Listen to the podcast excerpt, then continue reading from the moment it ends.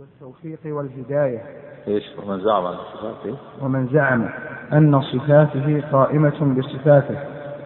يعود إلى إيش هذا كلام ابن لما سبق. قال والفراسة حق على أصول ذكرناها. وليس ذلك مما سميناه في شيء. ومن زعم أن صفاته قائمة بصفاته ويشير في ذلك إلى غير الأيدي والعصمة والتوفيق والهداية وأشار إلى صفاته عز وجل قيمة فهو حلول قائل. ومن زعم ومن زعم. ومن زعم أن صفاته قائمة بصفاته. يعني صفات الخالق قائمة المخلوق قائمة بصفات الخالق هذا حلول. ها، ومن زعم إيش؟ ومن زعم أن صفاته قائمة بصفاته ويشير في ذلك إلى غير الأيدي والعصمة والتوفيق والهداية. وأشار إلى صفاته عز وجل القديمة فهو حلولي قائل باللاهوتية والالتحام وذلك كفر لا محالة. اللاهوية اللاهوتية اللاهوتية. والالتحام يعني ال- ال- قال النصارى الذي يقول اللاهوت حل في الناس. حل جزء من الله جزء من الناس. قالوا إن الله حل في عيسى. نعوذ بالله. هذا قائم بالحلول. يقول اللاهوت حل في الناس. كحلول الماء في الإناء. هذا حلول خاص. والحلول العام كقول الحلولية إن الله حال بأسره في كل مكان. هناك اتحاد خاص وهو قول النصارى إن إن الرب إن الرب اتحد في عيسى وكذلك قول ولاة الرافضة بحلول حدث الحلول إن الله حل في علي أو في آل البيت. وهناك الاتحاد العام قول وحدة الوجود نعم. فمن قال إن الصفات المخلوق قائمة بصفات الخالق هذا حلول نعم.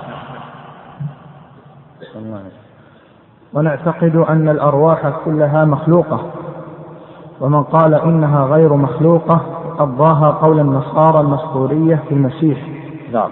بعض الناس يقول إن الروح المخلوق قديمة. قديمة. جعلها قديمة. ليس لها ليست محدثة. وهذا باطل. نعم. هذا كقول المسيح. نعم. ومن زعم إيش؟ ونعتقد أن الأرواح كلها مخلوقة ومن قال إنها غير مخلوقة فقد ضاها قول النصارى النسطورية في المسيح وذلك كفر بالله العظيم. ومن قال إن شيئا من صفات الله عز وجل حال في العبد وقال بالتبعيض على الله فقد كفر. أعوذ بالله نسأل الله لا شك في هذا. قضاء صفات الخالق حلت في المخلوق نعم. والقرآن كلام الله ليس بمخلوق ولا حال في مخلوق. نعم كلام الله منزل غير مخلوق ولا حال في المخلوق. هذا قول أهل السنة والجماعة نعم. وأنه كيفما تلي وقرئ وحفظ فهو صفة فهو صفة الله عز وجل. نعم إن تلي فكلام الله مسلوب وإن حفظ فكلام الله محفوظ وإن سمع فكلام الله مسموع وإن كتب ورسل فكلام الله مرسول. هو في هذه الحقائق كلها حقيقة ليس مجازا. نعم. وليس الدرس من المدروس ولا التلاوة من المتلو لأنه عز وجل بجميع أسمائه وصفاته غير مخلوق. آه، ليس الدرس. وليس الدرس من المدروس ولا التلاوة من المتلو. الدرس القراءة. القراءة مدروس كلام الله مدروس. يدرسونه. الآية اللي فيها إيش؟ يدرسونه. بما كنتم تدرسون الدرس غير المدروس. والتلاوة غير المكتوب. فالتلاوة سألت عنك والمتلو كلام الله. والدرس سألت عنك والمدروس كلام الله. نعم. وليس الدرس من المدروس ولا التلاوة من المتلو لأنه عز وجل بجميع أسمه وصفاته غير مخلوق. ومن قال بغير ذلك فهو كافر. ونعتقد أن القراءة الملحنة بدعة وضلالة وأن القصائد بدعة. نعم قراءة ملحنة يعني يلحنها يطرب بها كتلحين الغناء ومثل الأذان. الأذان ملحن هذا مكروه بدعة. والقراءة الملحنة التنطيط والقراءة التلحين بما ألحان الغناء. مثل الأعاجم مثل الأذان. ثبت في صحيح البخاري أن عمر بن عبد رحمه الله قال لمؤذن أذن أذانا سمحا وإلا فأعطي الله أذانا سمحا تكبر سمحا.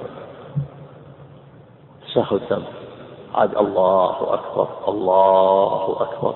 أشهد أن لا إله ما يطرب ولا يلحن كل ما جاء صوت جاء صوت. هذا تلحين. تلحين الأذان تلحين. القراءة مفهوم تطريب كما قال بعض الناس. نعم. نعم. قال. ينبهون. قال هذا. ها؟ إذا سجدت تسمع عليه. نعم. نعم.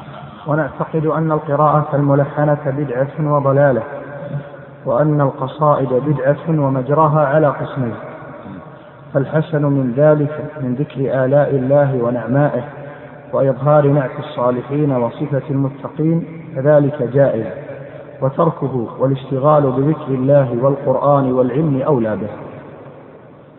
وما جرى على وصف المرئيات ونعت المخلوقات فاستماع ذلك على الله كفر واستماع الغناء والرباعيات على الله كفر والرقص بالإيقاع ونعت الراقصين على أحكام الدين فسق وعلى أحكام التواجد والغناء لهو ولعب. قال وأن القصائد بدعة ومجراها على قسمين.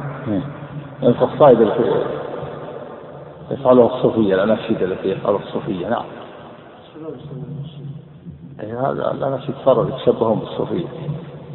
نعم. الله.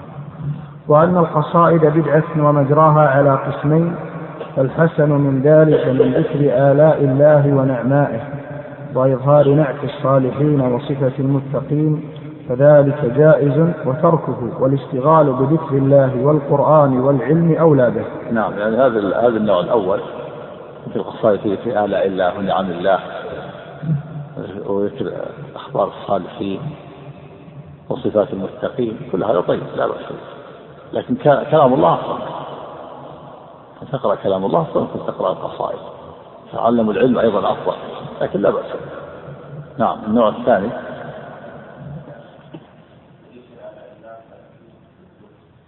لا لا الدف ممنوع. هذا الدف للنساء في الأعراس. نعم. نعم هكذا ورد في القرص. وفي يوم العيد كذلك للجواري الصغار. نعم. كما كما حصل جاريتين اللتين تغنيان في بيت النبي صلى الله عليه وسلم. نعم. نعم خاصة. أما الرجال لا نعم. ما يصلون نعم. وتركه والاشتغال بذكر الله والقرآن والعلم أولى به وما جرى على وصف المرئيات ونعت المخلوقات فاستماع ذلك على الله كفر. ذكر عنك المحشي قال وكون ذلك كفرا لأنه وصف لله بصفات المخلوقات من المرئيات وغيرها. إيش يقول وما, وما جرى على وصف المرئيات إيه. ونعت المخلوقات فاستماع ذلك على الله كفر. شو التعليق. يقول وكون ذلك كفرا لأنه وصف لله بصفات المخلوقات من المرئيات وغيرها. نعم إذا أعتقد هذا إذا وصف الله بوصف المخلوقات هذا هذا قول قول الاتحادية. هذه المخلوقات لأن وجود واحد. وصف المخلوقات هذه الأوصاف المخلوقات هي أوصاف لله. هذا قول الحلول الاتحادية. شو العبارة. يقول وما جرى على وصف المرئيات ونعت المخلوقات فاستماع ذلك على الله كفر نعم إذا اعتقد أنها وصف لله لأنها قول بالسوء ها؟ الواحد يستمع على أهل الأنصار بأسماء الله وصفاته هل يعتبر كافر؟ إيش؟ الاستماع على الله كفر يقصد انه يسمع ليش يعني الاعتقاد الاعتقاد اعتقاد أن صفة المخلوقات هي صفه الله كفر هذا لأن هذا قول الاتحادية نعم. واستماع ذلك يقول؟ يقول وما جرى على وصف المرئيات ونعت المخلوقات فاستماع ذلك على الله كفر. يعني استماع ذلك مع اعتقاد أنها وصف لله نعم. الله واستماع الغناء والرباعيات على الله كفر. والرقص بالإيقاع. اشكال على الرباعيات نعم. ذكر قال الله عنك في منظومة شعرية الرباعيات منظومة شعرية تتألف من وحدات كل وحدة منها أربعة أشهر تستقل بقافيتها فقط. إيه. واستماع إيش؟ قال واستماع الغناء الرباعيات على الله على الله كفر. يعني مثل ما يعني اعتقاد أنها كلام الله أو أو انها أو أنها من صفات الله يعني هو يرجع إلى قول الحديث استمع القصائد الرباعيات واعتقد انها انها وصف الله وانها كلام الله. نعم. الله والرقص بالإيقاع ونعت الراقصين على أحكام الدين في نعم. الرقص بالإيقاع. يعني الرقص مع العود. يرقص مع مع العود. هذا هذا الفلسفه الرقص. وإيش والرقص مع الإيقاع؟ قال والرقص بالإيقاع ونأتي الراقصين على أحكام الدين فسق وعلى أحكام التواجد والغناء له ولعب. التواجد والغناء هذا الصوفية طريقة الصوفية الوجه التأوه والوجه ما ما يجد في نفسه لأن هذا يدعو إلى فسق يدعو إلى الزنا طريقة الصوفية. هذا التعليق. ذكر عفى الله عنك. في قوله تواجد من وجد وجدا بالفتح يطلق على الحب وبالكسر على الحزن والتواجد عند الصوفية استجلاب الوجد بالذكر والتفكر. نعم. والوجد ما يجعل المحبة يعني يذكرون يذكرون يذكر مثلا يرددون على الأذكار ويزعمون أن هذا وجد وأن هذا محبة. هذا طريقة الصوفية. هذا الفسق نعم. قال والوجد ما يرد على الباطن من الله يكسبه فرحا أو حزنا ويغيره عن هيئته ويتطلع إلى الله. إيش والوجد والوجد ما يرد على الباطن من الله. يكسبه فرحا أو حزنا ويغيره عن هيئته ويتطلع إلى الله تعالى. وهو فرحة يجدها المغلوب عليه بصفات نفسية ينظر منها إلى الله تعالى. هذا هذه الصوفية الباطل. إيش الرقص بالإيقاع قال والرقص بالإيقاع. ونعت الراقصين على أحكام الدين فسق وعلى أحكام التواجد والغناء في نسخه والنظام لهو ولعب. النظام النظام قال النظام من النغمة وجمعها أنغام. وحرام على كل على أحكام الدين تكلم عليه. على أحكام الدين فسق ما ذكر قال أي وصف أهل الرقص بالتقى والإيمان والزهد. وهذا موجود عند بعض الصوفية يعني يتعبدون بهذا يتعبد بالرقص والغناء ويزعم وينسب هذا إلى الدين وأن هذا دين. يتدينون بهذا مثل ما يتدين الخوارج بحلق الرأس. يبالغون في حلق الرأس يستأصلون حلق الرأس ويتدينون بهذا. ما يكتفون حتى يحلق رأس المحلوق بالمرة أبيض. ويتدينون بهذا. وهؤلاء يتدينون بالرقص والإيقاع ينسبون إلى الدين. هذا فسق يعني هم يتدينون بهذا. يعني الغناء عبادة الغناء والرقص عبادة عند الصوفية الآن صاروا الآن القصائد الجماعية هذه. صاروا يتلذذون بها. وصار أناشيد أناشيد جماعية. وبعضهم يلحن يتأول. صار من جنس الصوفية. والغناء الجماعي الأناشيد الجماعية ما ما تفيد. ما يفيد إلا النغمات فقط ينظر متى يرفع ومتى ينزل ولا يفهم المعنى. إذا كنت تريد فهم المعنى تكون قصيدة طيبة واحد يقرأ. يقرأ بلحن قراءة عادية. أنت تستفيد أما أربعة خمسة يشيلون الصوت ينزلون الصوت هذا صار صار آه، صار تلذذ الصوت فقط. ليس المقصود المعنى. هذه طريقة الصوفية وصاروا أيضا يتوسعون في هذا حتى بعضهم التلحين لا تشك أنه مثل تلحين يسمع في الإذاعات وهذا من صفات الشيطان عليهم يتدرج من شيء بعد الشيء. وتسمع إذا مرت المسجلات في الشوارع الشارع تقول مسجد هذا هذا أنا قال هذا أناشيد هذه أناشيد هذه أناشيد أجازها فلان وأجاز فلان. وأنت لما تقبل تسمع كأنك ما تفرق بينها هو رفع الصوت في الشوارع في كل مكان. وإذا أنت صحيح لا هذه أناشيد هذه أناشيد أجازها فلان أجازها فلان. ما فيها شيء. يكون عنده قوة وشجاعة يرد على كله بسبب انتشار هذه القصائد هذه. نسأل الله السلامة والعافية وش الداعي هذا؟ وش الفائدة؟ هذا؟ الشباب هذا؟ الفائدة إضاعة أوقات تلذذ بالأصوات يشغل وقت الشرب يصير مفيد. نعم. ها؟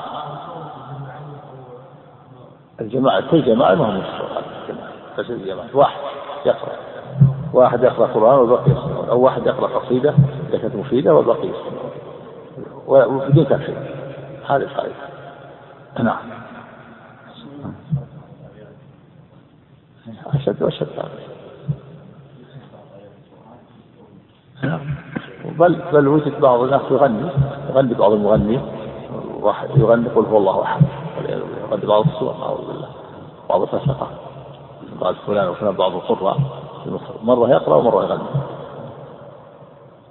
ويقول واصواتهم يعني الاصوات هذه الحنجرة يجعل له أشياء حتى يطول الصوت في الغناء والقراءة سواء ما تفقد هذه فسته ما يفقد مرة يخلو يقرا ويمد الصوت طويل ويمص أشياء حتى علاج للصوت وللحلق والغناء كذلك.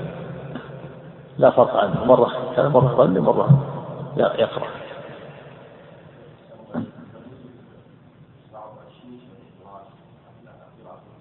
أعوذ بالله.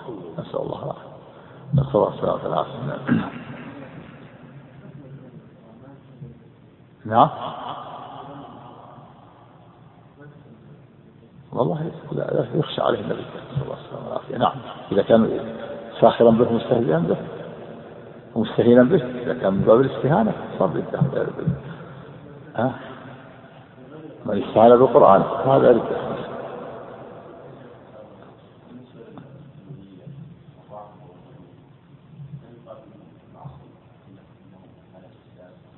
الحرية على الإسلام هذا كافر يجمع المسلمين. من قال إن الله حل في كل مكان هذا كافر نعوذ بالله.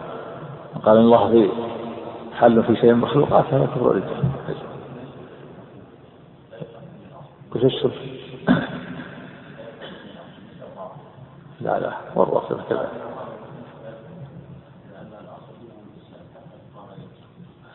آه الفجر قائمة الفجر قائمة هي كفار. مجمع المسلمين نسأل الله العافية نعم.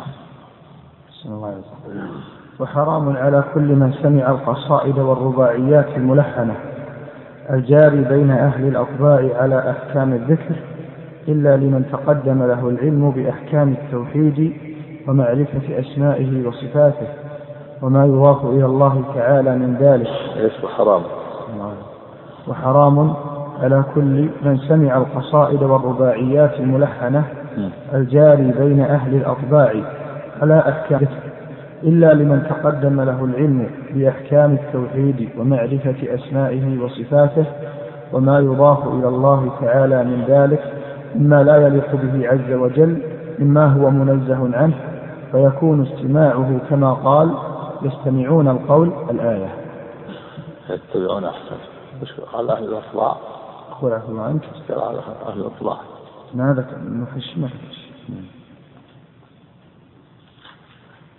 إيش وحرام إيش؟ وحرام على كل من سمع القصائد والرباعيات الملحنة الجاري بين أهل الأطباع على أحكام الذكر إلا لمن تقدم له العلم بأحكام التوحيد ومعرفة أسمائه وصفاته وما يضاف إلى الله تعالى من ذلك مما لا يليق به عز وجل مما هو منزه عنه فيكون استماعه كما قال يستمعون القول الآية يعني ليس له ذلك إلا ليس له أن يستمع إلا إذا عظم الله ميته كلام كلام فيه أقول فيه فيه إجمال نعم؟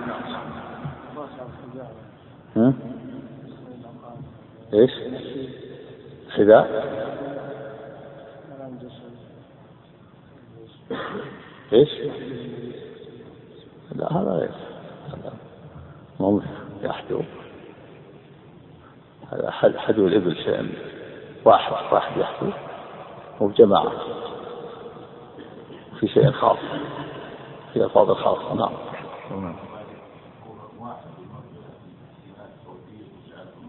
نعم. واحد واحد. بس إيه. في التسجيل. يكرر الصوت والجهاز يطلع كأنه الجماعة. شخص واحد. لا في أشخاص يختلف في أشخاص كذلك أيضا. صار صار المقصود الأنغام مقصود المعنى. المقصود من القصيدة المعنى والفائدة إذا كانت مفيدة. مو المقصود الصوت. نعم. نعم. نعم. التلحين تنطيق. نعم. وكل من جهل ذلك وقصد استماعه على الله على غير تفصيله فهو كفر لا محالة. وكل وكل من جهل ذلك وقصد استماعه على الله على غير تفصيله فهو كفر لا محالة. وكل من جمع القول وأصغى بالإضافة إلى الله فغير جائز إلا لمن عرف ما مما وصفت من ذكر الله ونعمائه. وما هو موصوف به عز وجل ما ليس للمخلوق فيه نعت ولا وصف بل ترك ذلك أولى وأحوط والأصل في ذلك أنها بدعة والفتنة بها غير مأمونة إلى أن قال واتخاذ المجالس على الاستماع والغناء والرقص بالرباعيات بدعة وذلك مما أنكره المطلبي ومالك والثوري ويزيد بن هارون وأحمد بن حنبل. المطلبي الشافعي المطلبي الشافعي مالك والثوري ويزيد بن هارون. وأحمد هذه كلها من البدع الصوفية. نعم. نعم. وأحمد بن حنبل وإسحاق والاقتداء بهم أولى من, من الاقتداء بمن لا يعرفون في الدين ولا لهم قدم عند المخلصين. يعني الاقتداء بهؤلاء الأئمة. نعم. والاقتداء بهم أولى من الاقتداء بمن لا يعرفون في الدين ولا لهم قدم عند المخلصين. وبلغني أنه قيل لبشر بن الحارث إن أصحابك قد أحدثوا شيئا يقال له القصائد. قال مثل إيش؟ قال مثل قوله اصبري يا نفس حتى تسكني دار الجليل. فقال حسن وأين يكون هؤلاء الذين يستمع ذلك؟ قال قلت ببغداد. فقال كذبوا والذي لا إله غيره. لا يسكن بغداد من يسمع ذلك. يقول ياقوت الحموي ذم بغداد قد ذكره جماعة من أهل الورع والصلاح والزهاد والعباد ووردت فيه أحاديث خبيثة وعلتهم في الكراهة ما عاينوه بها من الفجور والظلم والعسف.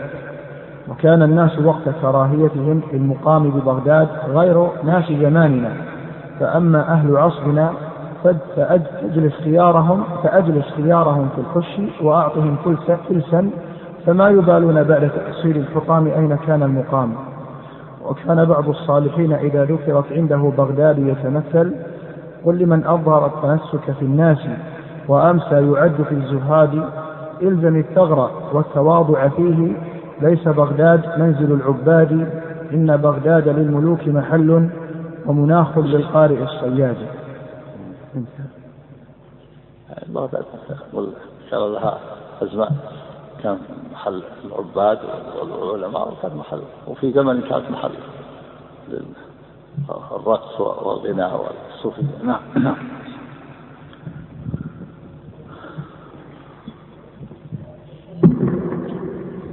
نعم. الحين إيش؟ لا تحسين الصوت غير تحسين الصوت غير التلحين. تحسين الصوت مطلوب تحسين الصوت بالقراءة قراءة القرآن وغيرها مطلوب نعم. بسم الله الرحمن الرحيم. الحمد لله رب العالمين. وصلى الله وسلم وبارك على نبينا محمد وعلى آله وصحبه وأتباعه بإحسان إلى يوم الدين أما بعد. قال شيخ الإسلام ابن رحمه الله تعالى قال أبو عبد الله أي ابن خفيف.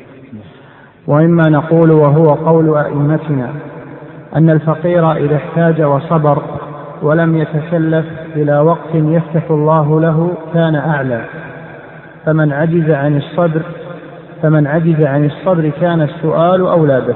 على ونقول ونقول. إليك قال أبو عبد الله.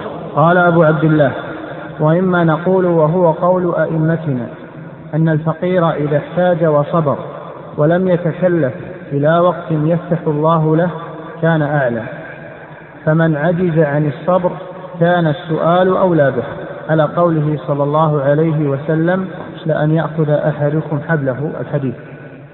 يعني الفقير إذا صبر ولم يخسر الناس هذا خير له أفضل يقول النبي صلى الله عليه وسلم ومن يتصبر يصبره الله ومن يستعفف يعفه الله. فإذا استعف وصبر وصبر الحمد لله وإن عجز وسأل له الحق إذا كان مضطر له أن يسأل. لأن الوعيد إنما جاء في من سأل من غير حاجة.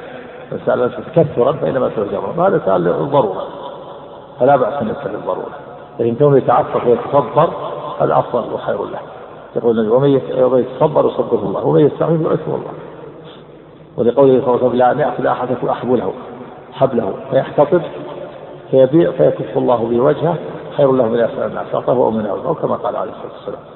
نعم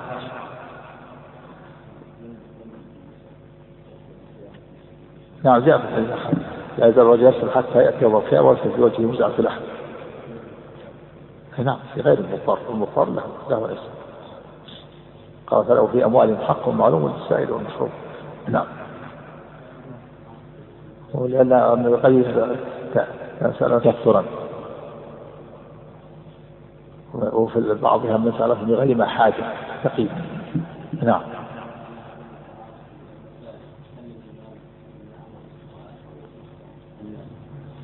هذا هذا في تفصيل كان يعلم انه أنه ليس محتاج. نعم. يجب يمنع ويسجن ويؤجل وإن كان يعلم أنه محتاج فلا يفعل وإن كان يجهل الحال يترك. الاحتمال أن يكون محتاج. لكن بس ما ينبغي يشوش على الناس. ما يشوش على الناس. يجلس عند الباب ولا في مكان لا يشوش على الناس. من حين يسلم. الإمام يقوم ويتكلم. نعم. ها؟ إذا كان يغلب ووجد علامات يمنع.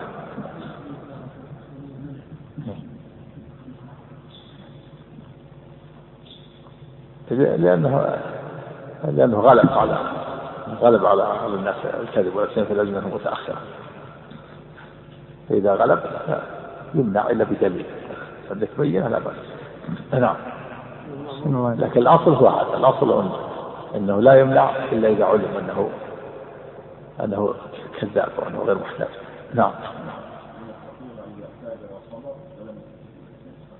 تكثر يعني تصبر ولم يتكلف. ولم يتكلف؟ يتكفف أحسن. نعم.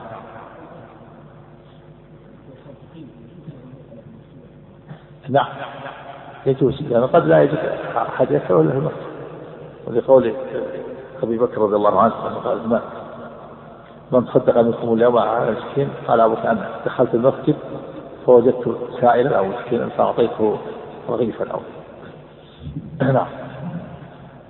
الله عنك ونقول إن ترك المكاسب غير جائز إلا شرائط مرسومة من التعفف والاستغناء عما في أيدي الناس.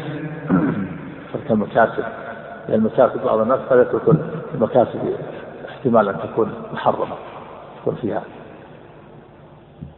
إذا ترك باب التورع يعني في في بعض المكاسب في في, في بعضها يعني شبهة ترك باب التورع لا بأس. هذا طيب. الوراء لا حد له. أما الوجوب لا يجب عليه الترك إلا إذا علم أن هذا الشيء محرم. نعم.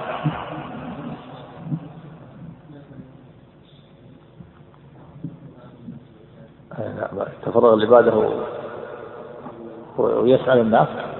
هذا هذا هذا ليس ليس بسبيل. نعم بل كالكسب من العبادة نوع من العبادة قصة الرجل الذي كان له أخ يتعبد ويكسب. قال له النبي صلى الله عليه وسلم قيل أنه أفضل منه. رجلان أحدهما يتعبد والآخر ينفق على نفسه وعلى أخيه. فالكاتب هو هو أفضل من المتعبد. سبقه في الأجر والثواب. نعم. ونقول إن ترك المكاسب غير جائز إلا بشرائط مرسومة من التعفف والاستغناء عما في أيدي الناس. ومن جعل السؤال حرفة وهو صحيح فهو مذموم في الحقيقة خارج. نعم. خارج خارج. نعم. قال في الحاشية هكذا وردت العبارة ولعل قصد ابن خفيف يعني خارج عن طريقة الصوفية. إيش هو من ترك والله عنك ومن ترك السؤال؟ ومن جعل السؤال حرفة وهو صحيح فهو مذموم في الحقيقة خارج. نعم. خارج عن الصوفية؟ خارج عن الطريق المستقيم. خارج عن عما عليه أهل الحق والسنة والجماعة. أبو عبد الله الصوفي يتكلم عن الصوفية ما سبق أنه من طبقات الصوفية. لكن هل يتكلم عن الصوفية الآن؟ فيما سبق صلى الله عليه وسلم أشار إلى ذكر الصوفية في مسألة القصائد مسألة إيه، فيما سبق لكن هذا لا يزال. هو مذموم ولا شك أنه مذموم وأيضا يجب عقوبته ومنعه. ما يكفي مذموم يجب أن يزجر ويمنع. إذا عرف أنه يتخذ السؤال حرفة يجب تأديبه يؤدب. يؤدب ويمنع. من قبل ولاة الأمور. بالسجن والضرب حتى حرفة السؤال. إذا عرف أنه يحترف السؤال وهو غير محتاج. لا شك أنه مذموم. لكن مع عدمه يجب منعه وعقوبته وزجره. نعم. ها؟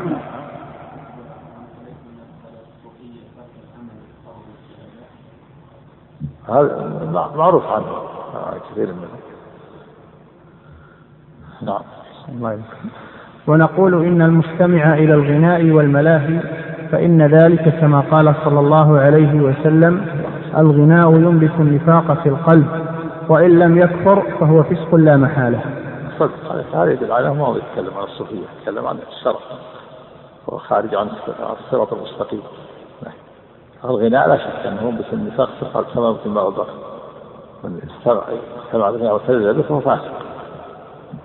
كلام جيد هذا الكلام ومن استمع من استمع الغناء.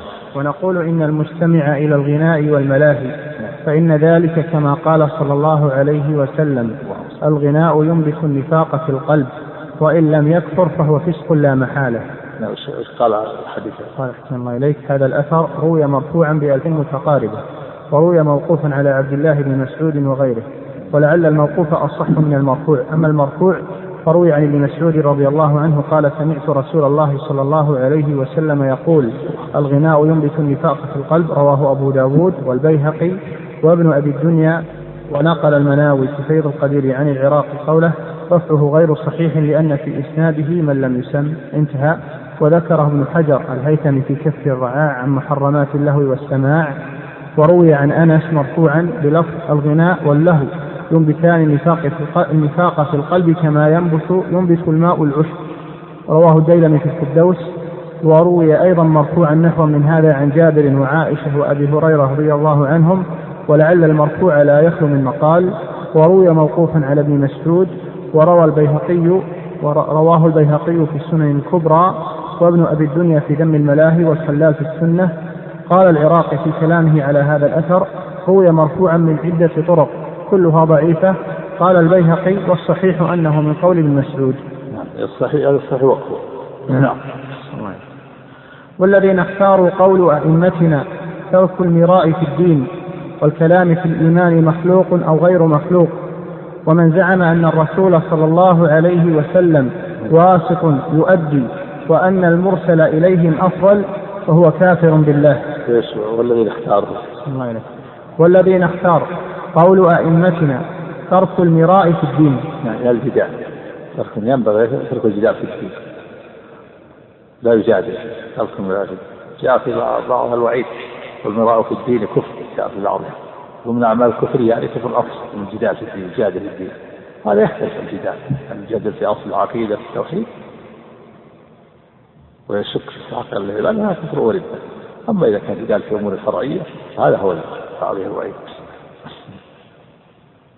والذين اختاروا نعم قال والذين اختار قول أئمتنا ترك المراء في الدين والكلام في الإيمان مخلوق أو غير مخلوق.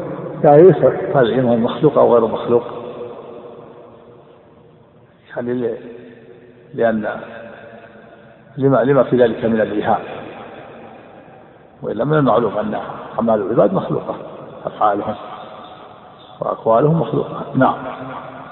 يقول اختار السكوت عن هذا. وغيره اختار التفصيل في هذا. وقال أعمال العباد مخلوقة وأما كلام الله فهو منزل غير مخلوق. كلام الله منزل غير مخلوق. وأما أفعال العباد فهي مخلوقة. أفعال العباد وأقوالهم نعم. هل فرق في السابقة سمع الاستماع الأغاني بين السامع والمستمع. أخف السامع. المستمع هذا المستمع يتلبي أما اللي يسمع الصوت الثاني؟ ما ما عليه ما السامع غير والكلام في المستمع أما اللي يسمع الصوت. يسمع الصوت هو ما ما, ما جاء تسمع هذا ما هو هذا اختيار في هذا. نعم. الله ومن زعم أن الرسول صلى الله عليه وسلم واسط يؤدي وأن المرسل إليهم أفضل فهو كافر بالله. واسط يؤدي. إيش قال عليه؟ قال عفى الله عنك ذهب بعض أهل وحدة الوجود وعلى رأسهم ابن عربي الطائي الفارغ وغيرهم إلى تفضيل الأولياء على الأنبياء. قالوا فاسق يؤدي ما تكلم ما ذكر. لا شك أنه هو وفي الواسطة بين الله. عفى الله عنك. الخلق يؤدي يؤدي عنه يؤدي يبلغ. هذا هذا كلام إذا كان مراد هذا. نعم أما إذا كان مراد في آخر. نعم.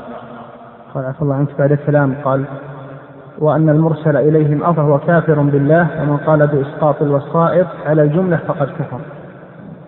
ثم أما إذا أراد الواسطة فإن الله يعني يدعى مع الله أو أنه يتصرف في الكون هذا هذا كفر أما إذا المسألة فيها تفصيل أما إذا اعتقد أن أنه واسطة يعني مبلغ عن الله فهذا كما قال شيخ الإسلام رحمه الله.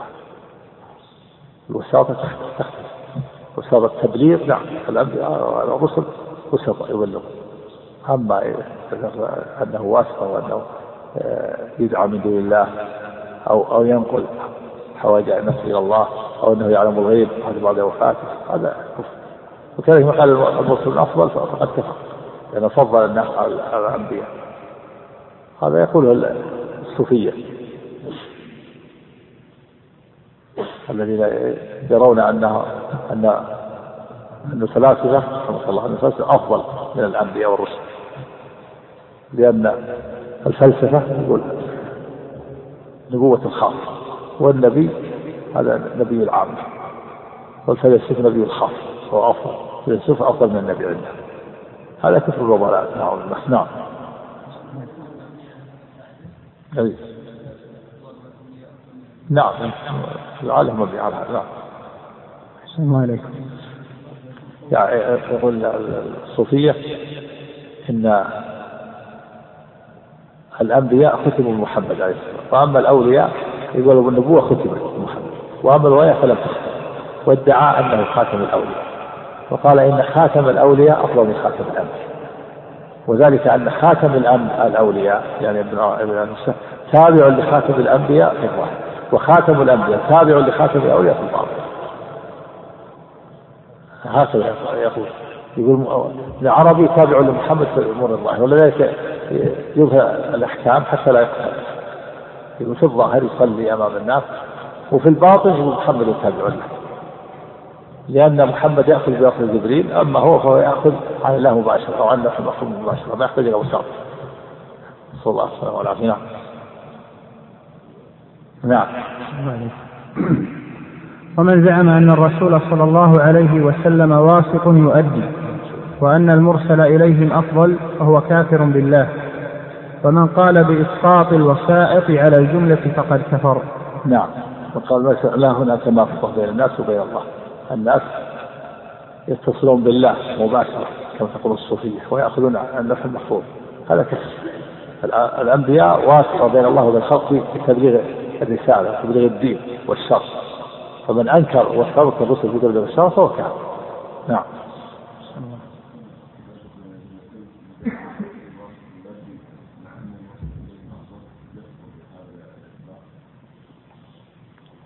وعلى كل حال هو لها تأويل على هذا سواء ربطت في أو لم تنظر والوساطة فيها فيها تفصيل هو كذلك من زعم أنه واثق يؤدي على ما يعتقد الصوفية.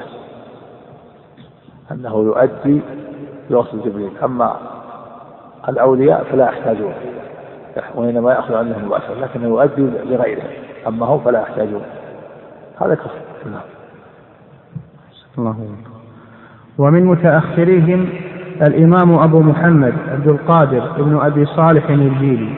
قال في كتاب الغنية هذا كلام شيخ الإسلام. شيخ الإسلام. متأخر الصوفية ها؟ نعم. جيلان. ومن متأخرهم إيش؟ قال عفى الله عنك.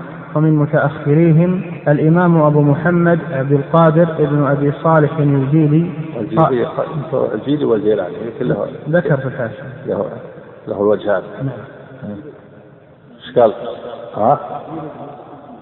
قال عفى الله عنك عبد القادر بن أبي صالح عبد الله الجيلي الحنبلي أبو محمد مولده بجيلان سنة 71 و400 اشتهر بالزهد والعبادة وكان يأكل من عمل يده باع صيته واشتهر من كبار الصوفية حتى نسبت له الطريقة القادرية وهي من طرق الصوفية المشهورة. قال عنه الذهبي الشيخ الإمام العالم الزاهد العارف القدوة شيخ الإسلام علم الأولياء. وقال في نهاية ترجمته وفي الجملة الشيخ عبد القادر كبير الشأن. وعليه مآخذ في بعض أقاويله ودعاويه والله الموعد وبعض ذلك مكذوب عليه. انتهى. كلام من هذا؟ هذا الذهبي يا هذا. نعم. ومعروف حنبلي يثني على شيخ الإسلام كثيرا. وله كتاب الغنية وله قبر في العراق. يعبدونه. يا عبد القادر الجيلاني يا كذا يدعونه من دون الله. إلى الآن. صلى الله عليه وسلم نعم وقد نقل شيخ الإسلام عنه أي عبد القادر أنه سئل هل كان لله ولي على غير اعتقاد أحمد بن حنبل؟ فقال لا كان ولا يكون. انتهى. وقال عنه ابن كثير ويذكرون عنه أقوالا وأفعالا ومكاشفات أكثرها مغالاة. وقد كان صالحا ورعا. إلى أن قال وبالجملة كان من سادات المشايخ. وذكر المحشي قال وذكر شيخنا الشيخ عبد الله بن جبرين أن أكثر ما ينقل عن مثل هؤلاء من أمور لا تتوافق مع الشرع لم يقلها ولم يفعلها أولئك ما هي إلا من تلاميذهم وأتباعهم. وقال عنه ابن رجب بعد أن ذكر أن بعض ما ينقل عنه لا يصح قال وللشيخ عبد القادر رحمه الله تعالى كلام حسن في التوحيد والصفات والأرض وفي علوم المعرفة موافق للسنة. انتهت في سنة 61 و500 نعم. الله عنه الله. نعم. ومن متأخرهم الإمام أبو محمد عبد القادر ابن أبي صالح اليزيدي قال في كتاب الغنية أما معرفة الصانع بالآيات والدلالات على وجه الاختصار فهو أن يعرف ويتيقن أن الله واحد أحد الصانع من باب الخبر يعني معرفة الله أو بإطلاق الصانع من باب الخبر كما قال شيخ الإسلام من باب التفسير نعم أما معرفة الصانع الله عليك. قال أما معرفة الصانع بالآيات والدلالات على وجه الاختصار فهو أن يعرف ويتيقن أن الله واحد أحد إلى أن قال وهو بجهة العلو مستو على العرش محتو على الملك محيط علمه بالأشياء إليه يصعد الكلم الطيب والعمل الصالح يرفعه يدبر الأمر من السماء إلى الأرض ثم يعرج إليه في يوم كان مقداره ألف سنة مما تعدون. شاهدنا ست الصفات استواء على العرش. في الرد على أهل البدع. جهمية وغيرهم. نعم. ولا يجوز وصفه بأنه في كل مكان. نعم. بل هذا قول الحلولية هو كفر. أعوذ بالله نعم. بل يقال إنه في السماء على العرش كما قال الرحمن على العرش استوى. وذكر آيات وأحاديث إلى أن قال وينبغي إطلاق صفة الاستواء من غير تأويل وأنه استواء الذات على العرش. قال وكونه على العرش مذكور في كل كتاب أنزل على كل نبي أرسل بلا كيف الله. كل كتاب أنزله الله ويكون في على العرش. كما يقول جل وعلا نعم. هذا يدعى أنه يعني له كلام جيد في الاعتقاد وفي العلوم. نعم. رحمه الله. نعم. الله. وذكر كلاما طويلا لا يحتمله هذا الموضع وذكر في سائر الصفات نحو هذا. ولو ذكرت ما قال العلماء في ذلك لطال الكتاب جدا. وقال أبو عمر بن عبد البر روينا عن مالك بن أنس وسفيان الثوري وسفيان بن عيينة وسفيان بن عيينة والأوزاعي ومعمر بن راشد في أحاديث الصفات أنهم كلهم قالوا أمروها كما جاءت. قال أبو عمر ما جاء عن النبي صلى الله عليه وسلم من نقل الثقات أو جاء عن الصحابة رضي الله عنهم فهو علم يدان به وما حدث بعدهم ولم يكن له أصل فيما جاء عنهم فهو بدعة وضلالة. رحمه الله. كلام جيد. قال أبو عمر. بن عبد الله. قال أبو عمر ما جاء عن النبي صلى الله عليه وسلم من نقل الثقات أو جاء عن الصحابة رضي الله عنهم فهو علم يدان به وما حدث بعدهم ولم يكن له أصل فيما جاء عنهم فهو بدعة وضلالة.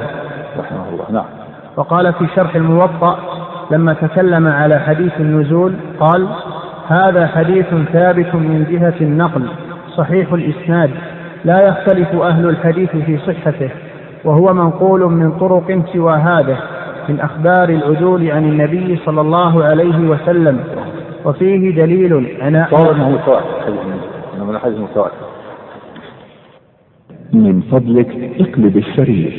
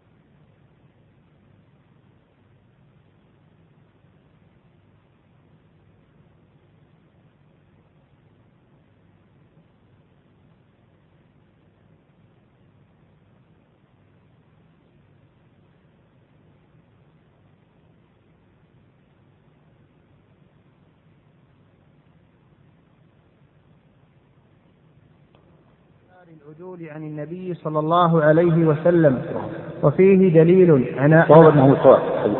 انه من الحديث متواتر. نعم الله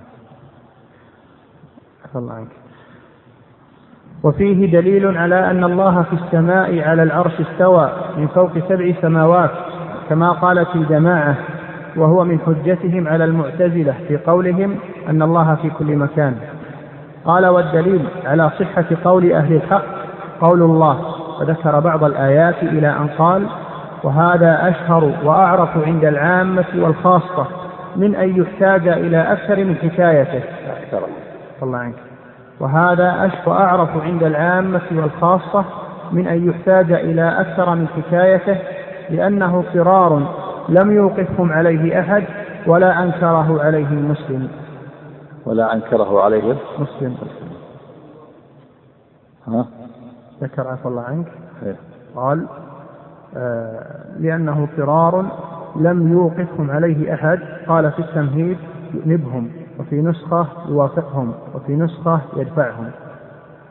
لم- عندك لم يوقفهم؟ ذكره واختار لم يوقفهم عليه أحد. وهو اضطراب إيش؟ قال لأنه قرار لم يوقفهم عليه أحد. نسخة يدفعهم ونسخة نسخة يوافقهم ونسخة يؤنبهم طيب كلها شيء. نعم. وقال أبو عمر بن عبد البر أيضا أجمع علماء الصحابة والتابعين الذين حمل عنهم التأويل. قالوا في تأويل قوله ما يكون من نجوى ثلاثة إلا هو رابعهم. هو على العرش. وعلمه في كل مكان. وما خالفهم في ذلك من يحتج بقوله. إيش؟ وقال أبو عمر. وقال أبو عمر بن عبد البر أيضا أجمع علماء الصحابة والتابعين الذين حمل عنهم التأويل. قالوا في تأويل قوله ما يكون من نجوى ثلاثة إلا هو رابعهم.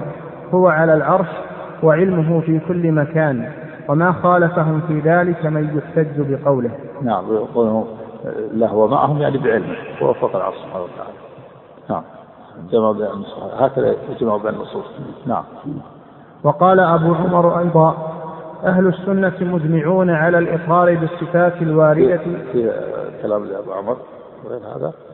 طويل. نعم. بارك الله فيك. الرحيم. الحمد لله رب العالمين.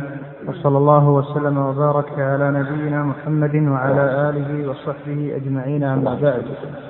قال شيخ الإسلام ابن تيمية رحمه الله تعالى وقال أبو عمر أيضا أهل السنة مجمعون على الإقرار بالصفات الواردة كلها في القرآن والسنة. أبو عمر بن عبد البر؟ نعم وقال أبو عمر. وقال أبو عمر أيضا أهل السنة مجمعون على الإقرار بالصفات الواردة كلها في القرآن والسنة والإيمان بها وحملها على الحقيقة لا على المجاز. نعم هذا معتقد السنة والجماعه يقرون بالصفات ويؤمنون بها ويعتقدون معناها. أما الكيفيه فيفرغونها إلى الله يؤمنون بها على حقيقتها كما قال ما ما كما قال الإمام مالك رحمه الله الاستواء معلوم والكيف مجهول. يؤمن بالاستواء يؤمنون باللفظ والمعنى. على حقيقته وانه استواء حقيقي. أما الكيفيه فلا يعلمها إلا الله. نعم. وحملها على الحقيقة لا على المجاز إلا أنهم لا يكيفون شيئا من ذلك. نعم. لا يكيفون الصفات أما البدع يقول مجاز الاستواء مجاز. معناه الاستيلاء. وهذا باطل. نعم. إلا أنهم لا يكيفون شيئا من ذلك ولا يحدون فيه صفة محصورة. نعم. وأما أهل البدع الجهمية والمعتزلة كلها والخوارج فكلهم ينكرها ولا يحمل شيئا منها على الحقيقة. ولا يحملون عن مجاز جعل الخوارج لأن الخوارج الغالب يكون تبع المعتزلة. ويكثر المتأخرون. نعم. الله. ويزعم أن من أقر بها مشبه. وهم- هكذا يزعمون. ما نثبت الاستواء والعلم والقدرة قالوا مشبه نعم. وهم عند من أقر بها نافون للمعبود. نعم. وهم؟ وهم عند من أقر بها نافون للمعبود. والحق فيما قاله القائلون بما نطق به كتاب الله وسنة رسوله صلى الله عليه وسلم. قبل. ومن اقر بها؟ قال ويزعم أن من أقر بها مشبه. نعم. وهم عند من أقر بها نافون للمعبود. نعم وهم يعني المعطلة. عند من أقر بها وهم أهل السنة نافون للمعبود لله يعني المعطلة هم عند أهل السنة نافون يعني للرب وصفوه بالعدل لأنهم لما نفوا الأسماء والصفات أنتج العدل أنتج النفي نفوا الرب فلم يثبتوا معبودا صلى الله عليه وسلم. والعافية نعم. والحق فيما قاله القائلون بما نطق به كتاب الله وسنة رسوله صلى الله عليه وسلم وهم أئمة الجماعة. نعم. هذا كلام ابن عبد البر إمام أهل المغرب. والحق الحق إيش؟ والحق فيما قاله القائلون بما نطق به كتاب الله وسنة رسوله صلى الله عليه وسلم الله. وهم أئمة الجماعة. نعم. هذا كلام ابن عبد البر إمام أهل المغرب. رحمه الله. وفي عصره الحافظ أبو بكر البيهقي. ومن أئمة أهل السنة والجماعة رحمه الله نعم. وفي نعم وفي عصره. أحسن الله عليك. وفي عصره الحافظ أبو بكر البيهقي مع توليه للمتكلمين من أصحاب أبي الحسن الأشعري وذبه عنهم قال في كتاب الأسماء والصفات باب ما جاء في إثبات اليدين صفتين لا من حيث الجارحة لورود خبر الصادق به. قال الله تعالى يا إبليس ما منعك أن تسجد لما خلقت بيدي بوجود الله عليك. قال في كتاب الأسماء والصفات باب ما جاء في إثبات اليدين صفتين لا من حيث الجارحة لورود الخبر لورود خبر الصادق به. نعم. قال الله تعالى يا إبليس ما منعك أن تسجد لما خلقت بيدي وقال بل يداه مبسوطتان. وذكر الأحاديث الصحيحة في هذا الباب. مثل قوله في غير حديث في حديث الشفاعة يا آدم أنت أبو البشر خلقك بيده ونفخ فيك من روحه. ومثل قوله في الحديث المتفق عليه أنت موسى اصطفاك الله بكلامه وخط لك الألواح بيده وفي لفظ وكتب لك التوراة بيده ومثل ما في صحيح مسلم وغرس كرامة أوليائه في جنة عدن بيده. ومثل قوله صلى الله عليه وسلم تكون الأرض يوم القيامة خبزة واحدة يتكفأها الجبار بيده كما يتكفأ أحدكم خبزته في السفر نزلا لأهل الجنة. نعم هذا وهذه النصوص كلها تثبت اليد تثبت اليدين لله عز وجل. أبو بكر البيهقي يتولى أهل الكلام الأشاعرة ومع ذلك آه، أثبت اليدين. معروف الأشاعرة ما يثبتون اليدين. يثبتون الصفات السابقة لكن أبو بكر البيهقي رحمه الله كان يميل إلى السنة وإن كان يوافق الأشاعرة في بعض ما يقررونه. لكنه هنا وافق أهل السنة أثبت اليدين. لكن قول لا لا على ليس جارحتين هذا مما يؤخذ عليه. لكن المؤلف رحمه الله شيخ الإسلام ينقل عن العلماء النقول وقد لا يوافقهم في كل ما يقولون لكن يبين موافقة من السنة والجماعة يقول لا على جارحتين هذا ما لا تقال جارحته ولا توقع لا يقال جارحته ولا يقال غير جارحته. نعم. الله ها؟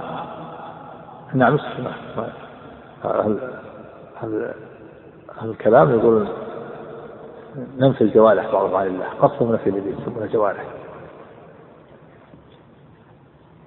نعم الله ها؟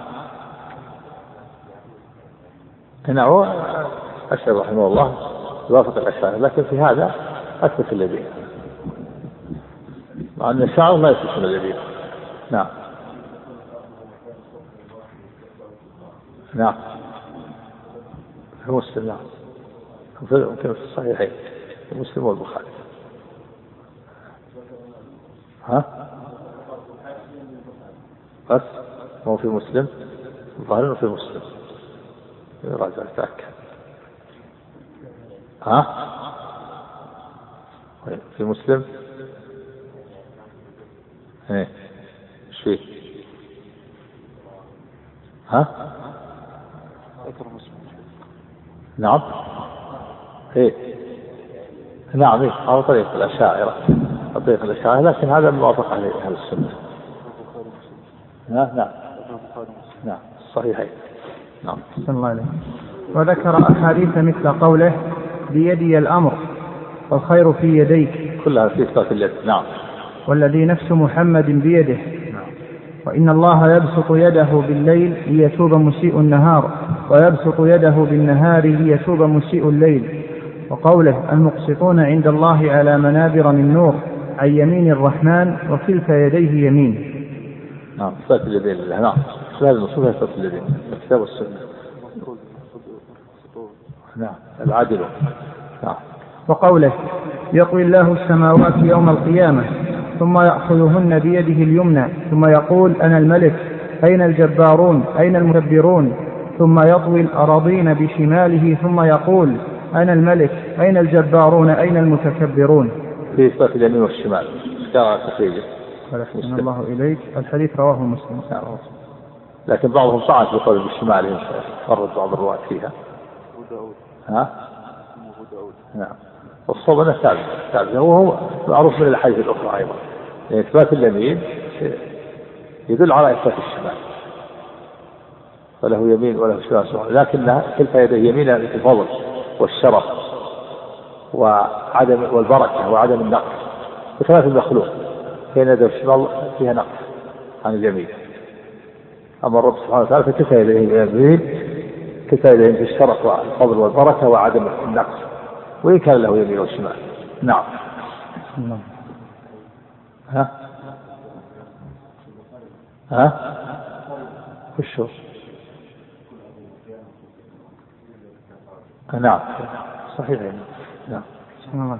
نعم. إيش؟ آه هذا هو الصواب. بعضهم طعن في نعم. وقوله يمين الله ملأى لا يغيضها نفقة سحاء الليل والنهار. أرأيتم ما أنفق منذ خلق السماوات والأرض؟ فإنه لم يغض ما في يمينه وعرشه على الماء وبيده الأخرى وبيده الأخرى القبض يخفض ويرفع. بيده القبض في الأخرى بيده الفيض في لفظ بيده الفيض قبض أو الفيض بيده. ذكر عفى الله عنك في الحاشية قال في الأصل القسط وكذا في نسخة مجموع الفتاوي وغيرها وما أثبت من الصحيحين والأسماء والصفات البيهقي وفي إثبات القبض والبسط. نعم. الله إليك ها؟ إيه. ما ما ينافي يعني باليد اليد الأخرى. ويسمع نعم. الله عليك وكل هذه الأحاديث في الصحيح. وذكر أيضا قوله إن الله لما خلق آدم قال له ويداه مقبوضتان. اختر أيهما شئت.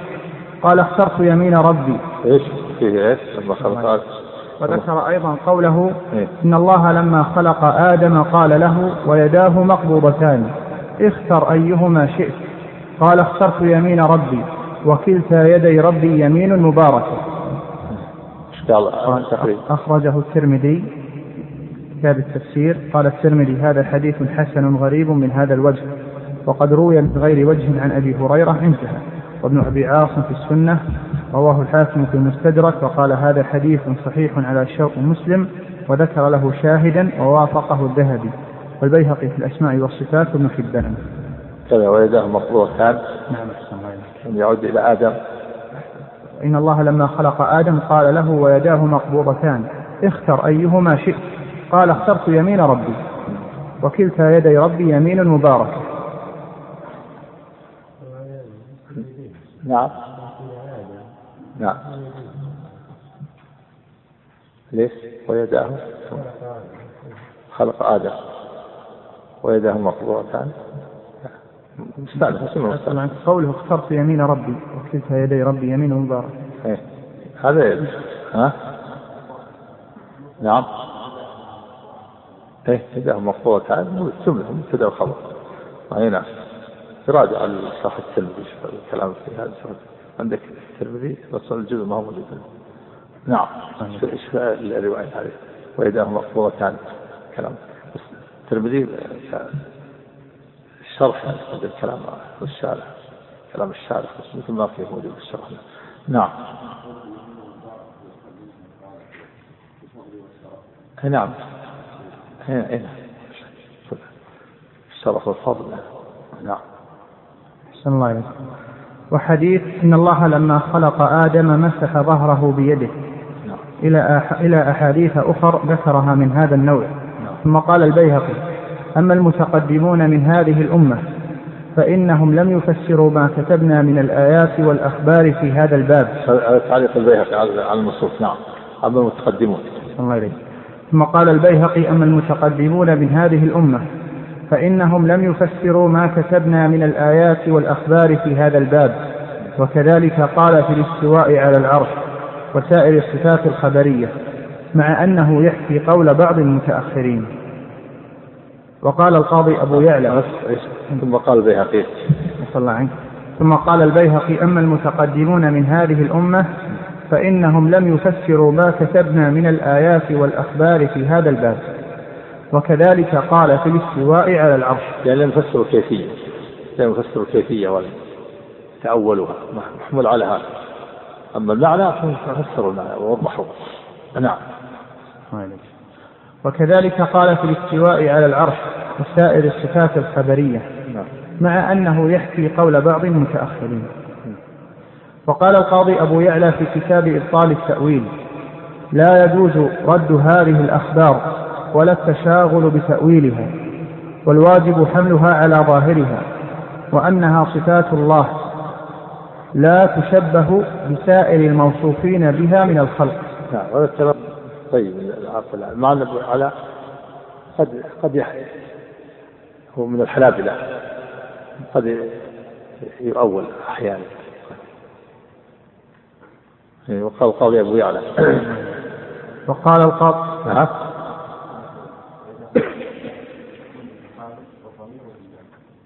ها؟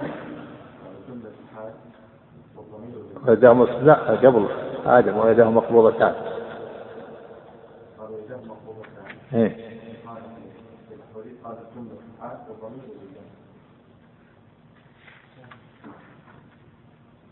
الجملة حال لا.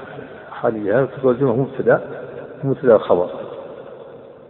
كان الله في في نظر هذا. أقول في نظر. محتمل. نعم.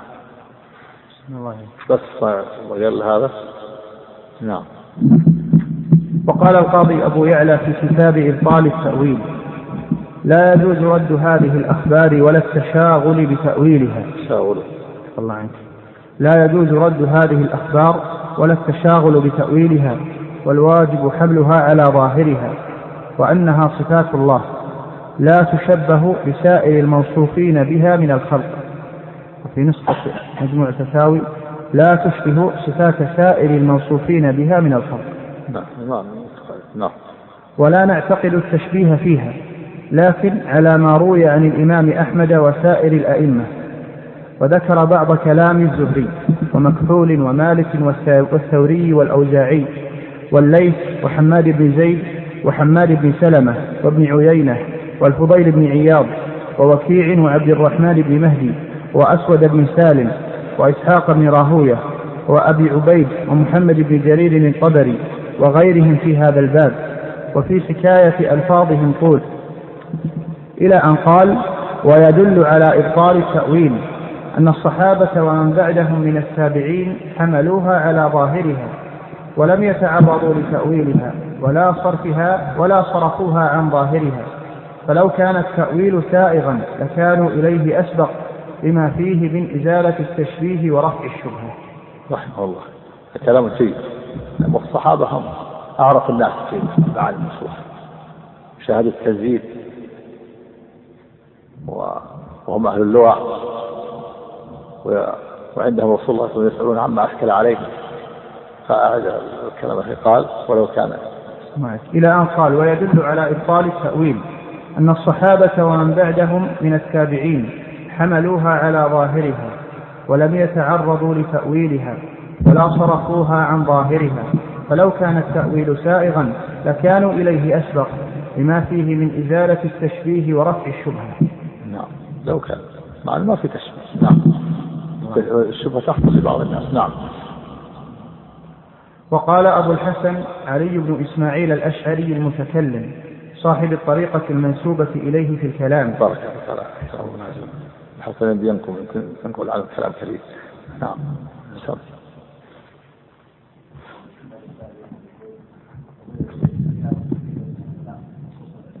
على ظاهرها نظرنا وقلنا له أن له يد السماء وهو يقول في الادله تلك يد ربي يمين وأرجو الاثبات الجليل. ما في تأويل اليد ما في تأويل هذا. ما ما فسرت اليد بالنعمة والقدره حتى يقال تأويل. اثبت يعني ذلك هذه كتاب الله. لكن كلام في التسميه هذا تسمى شمال وهذا تسمى شمال سميت في الحديث. نعم نعم. بسم الله الرحمن الرحيم. الحمد لله رب العالمين وصلى الله وسلم وبارك على نبينا محمد وعلى آله وصحبه أجمعين. اللهم صل أما بعد قال شيخ الإسلام ابن تيمية رحمه الله تعالى فقال أبو الحسن علي بن إسماعيل الأشعري المتكلم صاحب الطريقة المنسوبة إليه في الكلام في كتابه الذي صنفه في اختلاف المصلين ومقالات الإسلاميين.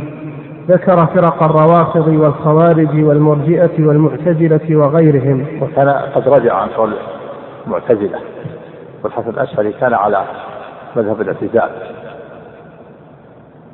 وقال إنه مكث أربعين سنة وأنه رجع عنه وأعلن رجوعه وخلع ثوبا على في الجامع على المنبر وقال إني رجعت عن أقوال المعتزلة خلعتها كما أخلع هذا الثوب. ثم تحول إلى مذهب الوسط وهو مذهب الأشاعرة ثم تحول إلى مذهب السنة والجماعة. إلا أنه بقي عليها أشياء يسيرة بسبب طول آه، مكثة في المذهب السابق.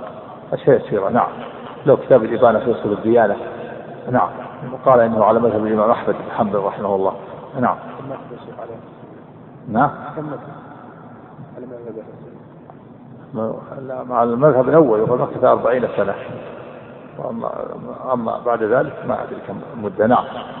الله عنك ثم ذكر فرق الروافض والخوارج والمرجئة والمعتزلة وغيرهم. ثم قال وقالة أهل السنة وأصحاب الحديث جملة. قول أصحاب الحديث وأهل السنة الإقرار بالله وملائكته وكتبه ورسله وبما جاء عن الله وما رواه الثقات عن رسول الله صلى الله عليه وسلم.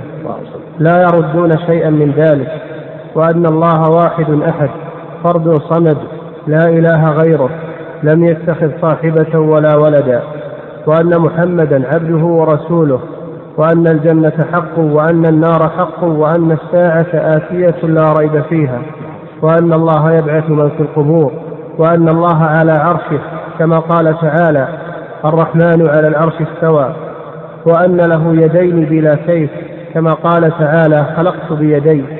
وكما قال تعالى بل يداه مبسوطتان وأن له عينين بلا كيف كما قال تعالى تجري بأعيننا.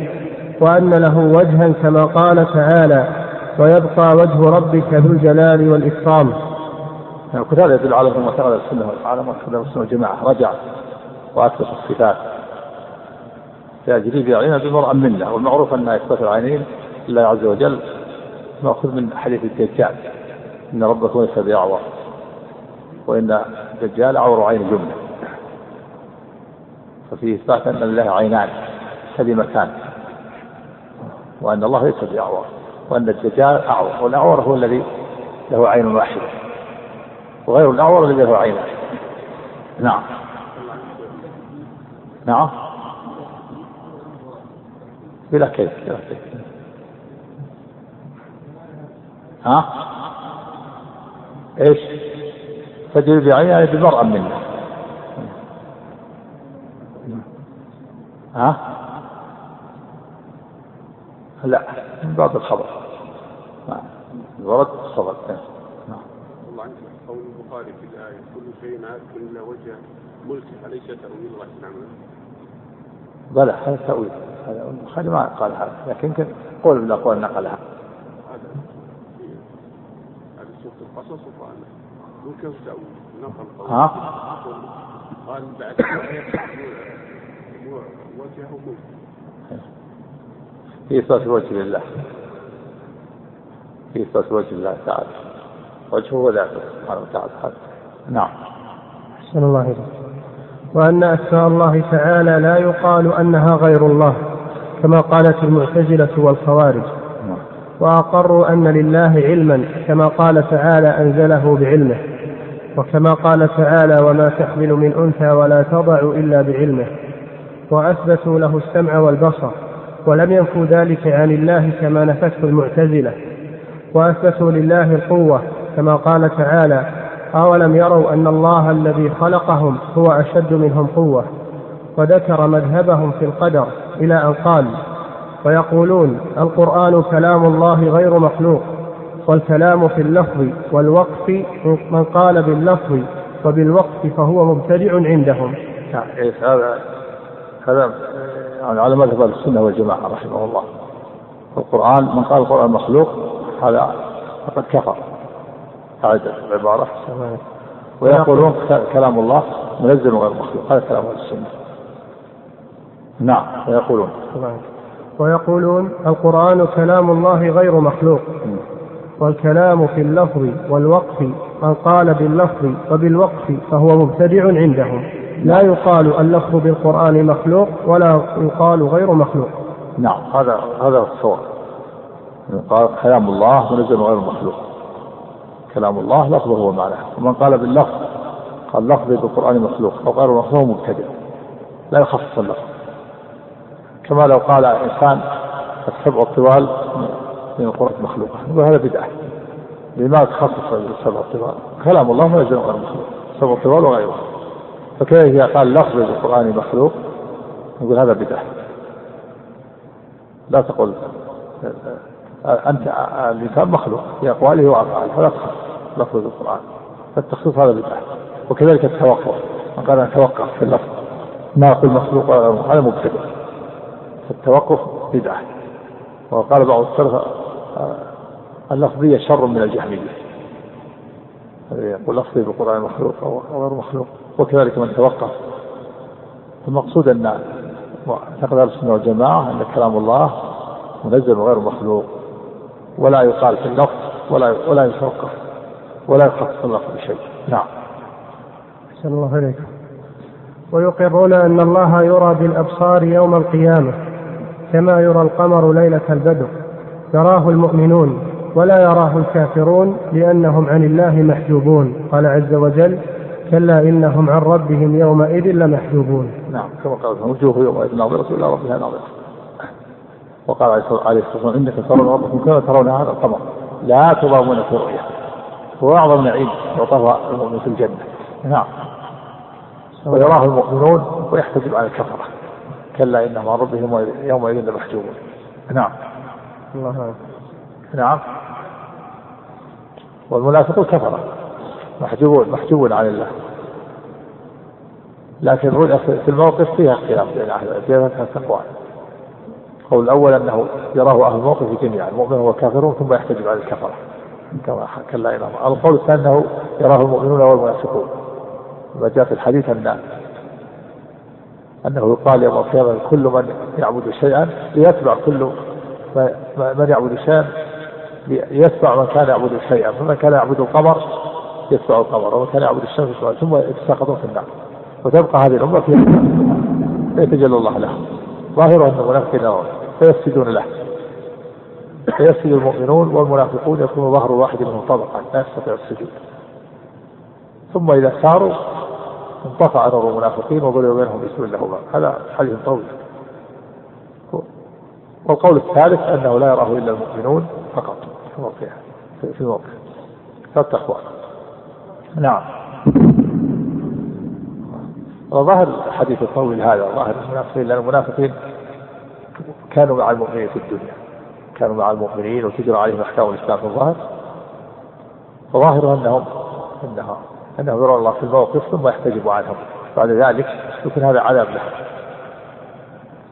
نسأل الله السلامة والعافية. نعم. الله عليه.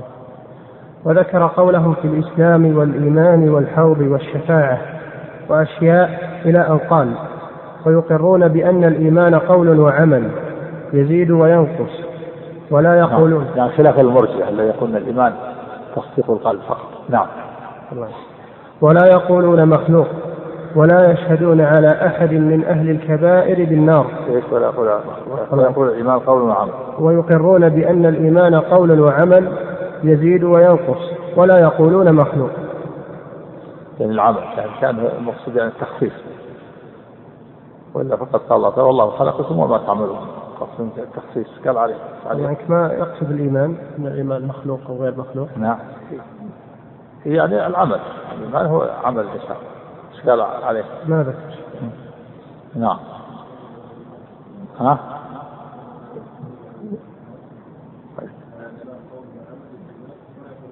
نعم. والإيمان هو قول وعمل يعني القول والعمل. الله عنك أشار المحشي إلى صفحة 450 والقول في أن الإيمان مخلوق أو غير مخلوق بدعة. قالوا هذه المسألة أيضا شبيهة بالمسألتين السابقتين وهي أنه لما ظهرت مقولة اللفظية القائلين لفظنا بالقرآن مخلوق أو غير مخلوق تكلم الناس حينئذ في الإيمان. فقال طائفة الإيمان مخلوق ودخل في ذلك ما تكلم الله به من الإيمان كقول لا إله إلا الله. فصار مقتضى قولهم أن نفس هذه الكلمة مخلوقة ولم يتكلم الله بها. فبدع الإمام أحمد هؤلاء. قال شيخ الإسلام بعد إيراد هذه المسألة والكلام عليها قال وهذه الأقوال كلها مبتدعة مخترعة لم يقل السلف شيئا منها وكلها باطلة شرعا وعقلا. ثم ذكر في نهاية البحث أنه من قال الإيمان مخلوق أو غير مخلوق فلا بد من الاستفصال منه وما يريد بالإيمان فإن أراد بالإيمان شيئا من صفات الله كقوله لا إله إلا الله وإيمانه الذي دل عليه اسم المؤمن فهو غير مخلوق وإن أراد شيئا من أفعال العباد وصفاتهم فالعباد كلهم مخلوقون وجميع أفعالهم وصفاتهم مخلوقة ولا يكون للعبد المحدث المخلوق صفة قديمة غير مخلوق. نعم لأن لما فيه من يعني الاحتمال والاشتباه فلا يقول مخلوق ولا غير مخلوق لأن لا يدخل في ذلك صفات الله وكلام الله. نعم. الله عنك. ولا يشهدون على أحد من أهل الكبائر بالنار. إلى أن قال نعم بل هم تحت مشيئة الله. أهل السنة والجماعة. لا يشهد عليهم بالنار المعين. لكن على العموم لا بأس. يشهد لمن شهدت له النصوص يقال من أكل مال اليتيم فهو في النار أكل اليتيم في النار على العموم. كذلك يلعن العصاة على العموم لعن الله شرب الخمر لعن السارق على العموم. نعم. الله عليك أما فلان ابن فلان يأكل مال اليتيم ما يشهد عليه بالنار. أو فلان فلان سارق ما نلعنه. أو المرابي لأنه قد يكون معذور قد يكون له ما بلغه النص قد يكون له إيمان عظيم وحسنة تقضي على ما صدر منه نعم صلى الله عليه إلى أن قال وينكرون الجدل والمراء في الدين والخصومة فيه والمناظرة فيما يتناظر فيه أهل الجدل ويتنازعون فيه من دينهم. إيش وينكرون؟ وينكرون الجدل والمراء في الدين والخصومة فيه والمناظرة فيما يتناظر فيه أهل الجدل ويتنازعون فيه من دينهم. نعم هذا لا شك أن هذا الجدل والجدال يؤدي الخصومات الشحنة والبغضاء ويصير الجدال في الدين والمراء في القرآن. كل هذا ينكره السنة والجماعة. نعم وينهون عنه. نعم. الله عنك. ويسلمون للروايات الصحيحة. كما جاءت فيها الآثار الصحيحة التي جاءت بها الثقات عدلا عن عدل حتى ينتهي ذلك إلى رسول الله صلى الله عليه وسلم. لا يقولون كيف ولا لما لأن ذلك بدعة عندهم. بدعة. الله لأن ذلك بدعة عندهم. نعم يسلمون ويقبلون النصوص ويثبتون الصفات التي ثبتت في النصوص الصحيحة. التي رواها الثقات عن الثقات إلى رسول الله صلى الله عليه وسلم مثل حديث النزول. ينزل ربنا إلى سماء الدنيا كل ليلة حين يبقى ثلث الليل الآخر. هذا من الحديث المتواتر من حديث الرؤيا. يقبلونها ولا يقولون كيف ولا لما. لا يقولون في الصفات كيف ولا يقول في أفعال الله لما. لما فعل كذا. هذا معتقد السنة والجماعة. لا يعترض على الله لا يسأل عما يفعل لأنه حكيم. ويقال لما فعل كذا. ولا يقال في صفات الكيف. صفات لا يقال كيف. كيف نزوله؟ كيف استواءه؟ كما قال كيف استواء معلوم والكيف مجهول والايمان به واجب والسؤال بالله هذا مذهب السنة والجماعة يقبلون النصوص الواردة في رواية العدول الثقات ويثبتون الصفات التي وردت في النصوص ولا يعترضون عليها. لا يقولون في الصفات كيف ولا في الأفعال نعم. الله عليه إلى أن قال ويقرون أن الله يجيء يوم القيامة كما قال تعالى وجاء ربك والملك صفا صفا وأن الله يقرب من خلقه من خلقه كيف شاء كما قال ونحن أقرب إليه من حبل الوريد. هذا على على هذا القول يقرب الخلق كيف شاء ونحن أقرب إليه من حبل الوريد. والقول الثاني أن أن هذا أن هذا قرب الملائكة. ونحن أقرب إليه يعني نحن أقرب إليه بملائكتنا من حبل الوريد بدليل أنه قيده بالظرف يقول إذ يتلقى المتلقيان عن اليمين وعن الشمال قائد ولقد خلق الإنسان ونعلم ما توسوس به نفسه ونحن أقرب إليه من حبل الوريد أي نحن أقرب إليه بملائكتنا. الملائكة أقرب إلى قلب العبد من حبل الوريد بدليل تقييده بالظرف حيث قال إذ يتلقى المتلقيان. ولو كان المراد قرب الله لما كان مقيدا بوقت تلقي الملكين لأن قرب الله عام ليس خاصا بوقت وهذا هو الذي رجح شيخ الإسلام والقول الثاني أن المراد قرب علم الله وهذا قول مرجوح شيخ الإسلام وابن القيم. لكن المؤلف رحمه الله ينقل عن عن أبي الحسن وعن غيره ينقل النقول قد يوافقه في بعضها وقد لا يوافقه. لكن قصد من ذلك يبين أن أن السلف والعلماء كلهم يثبتون الصفات ويردون على أهل البدع. نعم. ومن ذلك ما أبو الحسن الأشعري حينما رجع إلى أهل السنة والجماعة وألف هذه المؤلفات قيمة نعم. بعد أن هداه الله. نعم. الله أكبر. الله عنك قوله وجاء ربك والملك صفا صفا. قال عطف والملك؟ عطف جملة أم عطف على الرب؟ وجاء ربك والملك صفا صفا. يعني يجي الله والملائكة. يوم القيامة. حال يوم القيامة الملائكة يجيئون. الواو ما تقتضي الترتيب ولا الترتيب؟ الواو لمطلق الجر الواو ما تفيد الترتيب ولا يعني أن الملائكة يجيئون. جاء كما جاء في الحديث. لو تشقق السماوات تنزل الملائكة. ثم يجيء الله في فصل القضاء سبحانه وتعالى كما يليق بجلاله وعظمته. نعم. نعم.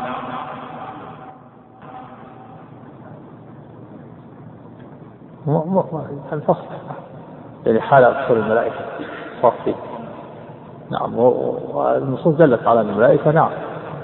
وأن الملائكة تقع السماوات على الملائكة ويصفون ثم يجيء الله.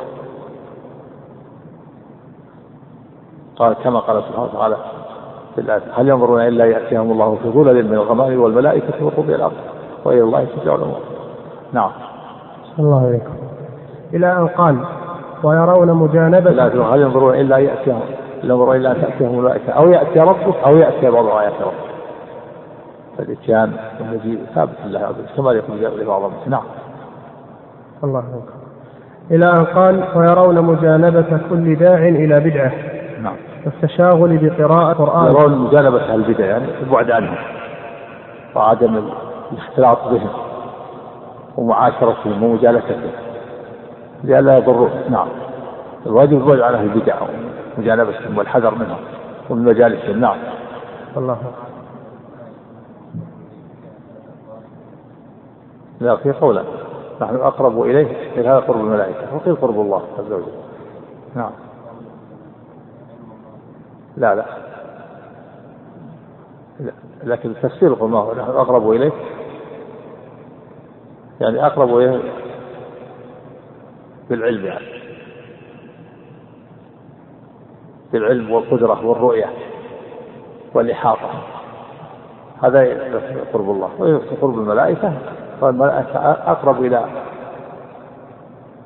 إلى العبد من حبل الوليد. ذوات الملائكة. نعم. وينهم؟ لا ما القرب. القرب المراد قرب العلم. لأن آه، تفسير ب تفسير بالأصل مو باللازم. لأن العلم ولقد خلقنا الإنسان ونعلم ما في نفسه. من نفس الآية المفروض نعم. إن الماء قرب الملائكة. قرب الملائكة نعم. ومثل قوله تعالى في الآية الأخرى نحن أقرب إليه منكم ولكن لا تبصرون. قالوا نعم.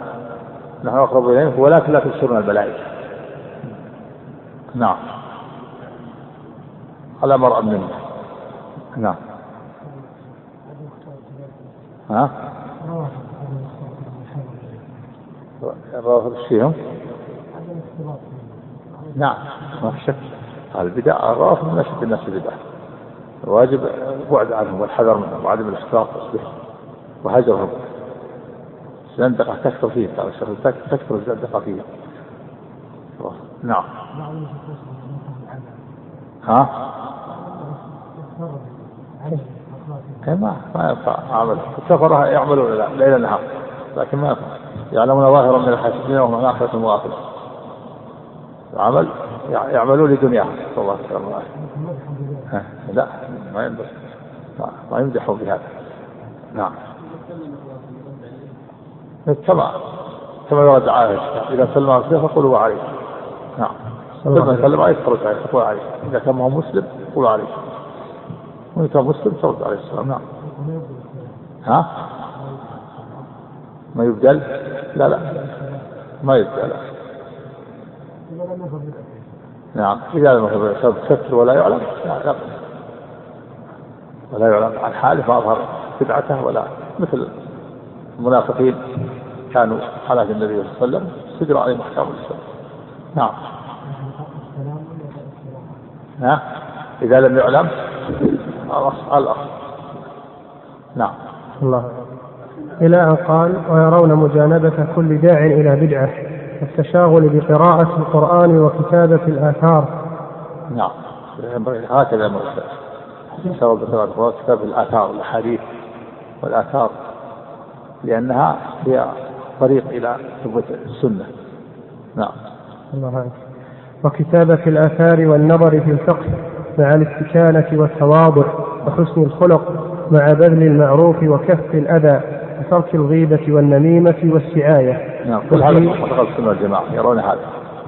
فعل الخير بذل المعروف كف الأذى ترك النميمة. والبعد عن السعي بين الناس الإفساد نعم. هذا أمر السنة والجماعة. نعم. مجموع الفتاوي والشكاية ترك الغيبة والنميمة والشكاية. وعندك؟ وعندي والسعاية. السعاية يسعى يسعى في الباطل. والشكاية الشكاية للمخلوق نعم. الله عنك. وتفقد المآكل والمشارب. نعم. حتى لا فيها شبهة أو حرام. هذا من السنة والجماعة أنه ينبغي الإنسان يتفقد. مأكله ومشربه ومكسبه يبتعد عن الكاسب الخبيثة الدمار أو الربا أو الغش أو تنفيق السلع بالحديث الكاذب أو الساعي بالسلعة. كمان المكاسب الخبيثة والرديئة يبتعد عنها المسلم نعم. قال فهذه قال فهذه جملة ما يأمرون به ويستسلمون إليه ويرونه وبكل ما ذكرنا من قولهم نقول. إيش؟ قال فهذه.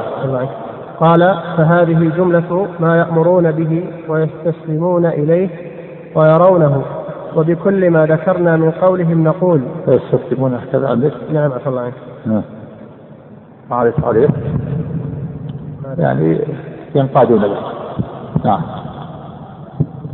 ها عندك إيش؟ هذا إيش؟ وقال فهذه جملة ما يأمرون به. ويستسلمون إليه. ذكر عفى الله عنك في الحاشية قال في المقالات ويستعملونه. نعم. لعله يستعملونه. نعم. عفى الله عنك. قال ويرونه وبكل ما ذكرنا من قولهم نقول وإليه نذهب وما توفيقنا إلا بالله وهو المستعان.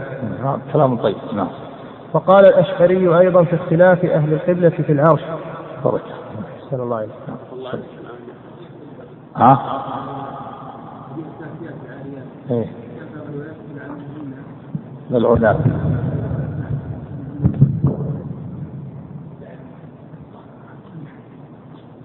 لا على العموم. على العموم. يعني من فعل كذا مثل مثل عن السارق ولا عن شارب الخمر. يعني من هذا وصف العنوان كثرة العادات فإذا رأيتموهن. إيه. إذا رأيتموهن وجدت في البلاد أو وجدت في الزمن فلعنوهن على العموم. الأقرب على العموم نعم. ها؟ بعض العلماء يرى هذا يرى لعن المعين. بعض العلماء يرى هذا لكن الصواب عدم لعن المعين. المسألة فيها خلاف. نعم.